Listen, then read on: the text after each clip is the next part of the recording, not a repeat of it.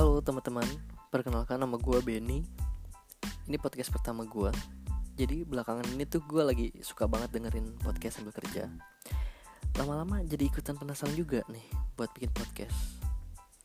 Karena besok udah masuk tahun 2020 Kayaknya bagus untuk memulai hal-hal baru Salah satunya buat podcast ini. Dan karena ini podcast pertama gue Kira-kira topik seru apa ya yang mau dibahas? Boleh dong masukan dari teman-teman. Ditunggu ya.